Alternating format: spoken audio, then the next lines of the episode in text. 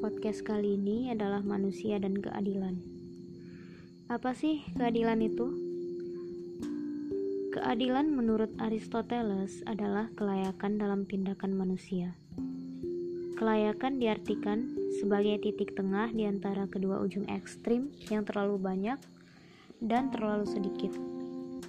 Kedua ujung ekstrim itu menyangkut dua orang atau benda Bila kedua orang tersebut mempunyai kesamaan dalam ukuran yang telah ditetapkan, maka masing-masing orang harus memperoleh benda atau hasil yang sama.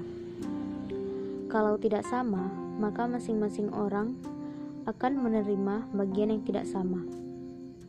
Sedangkan pelanggaran terhadap proporsi tersebut berarti ketidakadilan.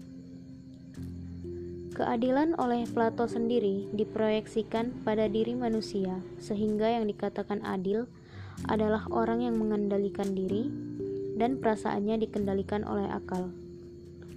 Lain lagi pendapat Socrates yang memproyeksikan keadilan pada pemerintahan. Menurut Socrates, keadilan tercipta bila mana warga negara sudah merasakan bahwa pihak pemerintah sudah melaksanakan tugasnya dengan baik. Mengapa diproyeksikan pada pemerintah? Sebab pemerintah adalah pimpinan pokok yang menentukan dinamika masyarakat. Konghucu berpendapat lain. Keadilan terjadi apabila an sebagai anak, bila ayah sebagai ayah, bila raja sebagai raja. Masing-masing telah melaksanakan kewajibannya. Pendapat ini terbatas pada nilai-nilai tertentu yang sudah diyakini atau disepakati.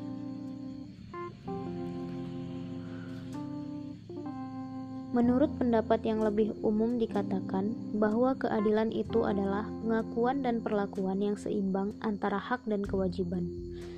Keadilan terletak pada keharmonisan menuntut hak dan menjalankan kewajiban. Atau dengan kata lain, Keadilan adalah keadaan bila setiap orang memperoleh apa yang menjadi haknya dan setiap orang memperoleh bagian yang sama dari kekayaan bersama. Sebagai contoh, seorang karyawan yang hanya menuntut hak kenaikan upah tanpa meningkatkan hasil kerjanya tentu cenderung disebut memeras. Sebaliknya pula, seorang majikan yang terus-menerus menggunakan tenaga orang lain tanpa memperhatikan kenaikan upah dan kesejahteraannya, maka perbuatan itu menjurus kepada sifat sifat memperbudak orang atau pegawainya. Oleh karena itu, untuk memperoleh keadilan, misalnya kita menuntut kenaikan upah, sudah tentu kita harus berusaha meningkatkan prestasi kerja kita. Apabila kita menjadi majikan, kita harus memikirkan keseimbangan kerja mereka dengan upah yang diterima.